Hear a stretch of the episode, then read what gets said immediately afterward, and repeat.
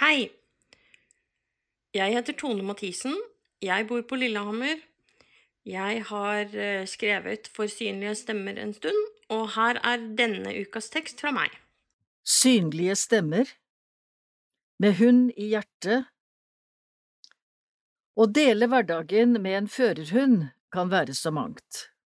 Det vi ofte ikke snakker om, er de tankene som dukker opp når en ikke lenger kan fortsette samarbeidet med en erfaren hund. Jeg husker hver eneste siste dag med hundene mine som om det var i går. Freia er min sjette førerhund. Det er oss to nå. Vi bor alene sammen, og ingen ser meg så sårbar som henne. Noen spør om hun er min beste venn.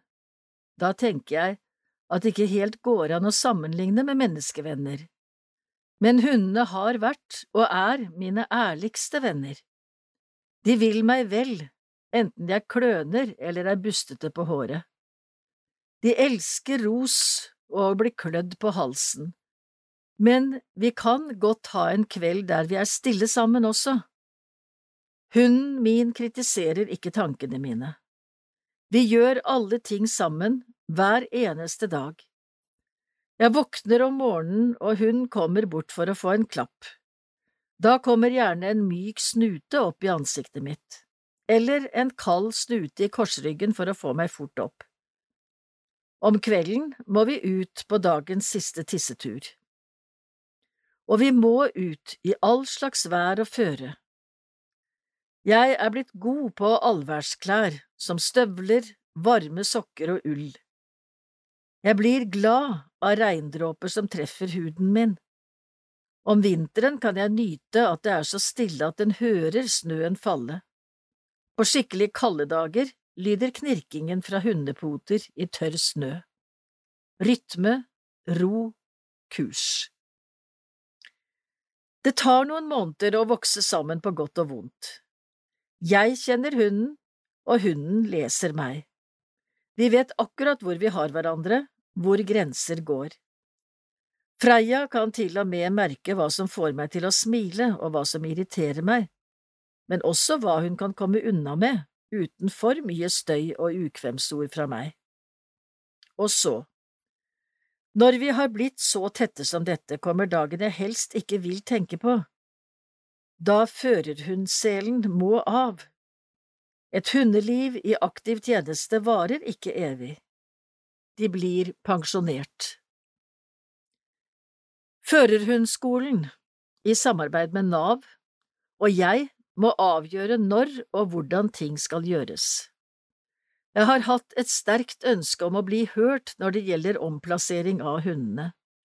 De første tre lot jeg førerhundskolen plassere. Det føltes best den gangen. Når det gjaldt de neste to, var jeg veldig engasjert i valget av hvem hundene skulle til. Det har vært viktig å vite hva slags mennesker det var snakk om, og hva slags miljø hunden skulle leve i. Å skifte førerhund er emosjonelt på en helt annen måte enn å skifte ut tekniske ting som en PC eller annet utstyr. De ulike hundene kan omtrent de samme tingene rent teoretisk og teknisk, men de er individer med egen personlighet. Jeg pleier å si at for meg er det slik at ingen førerhund erstatter den forrige. Det blir bare laget et nytt rom i hjertet mitt for den nye.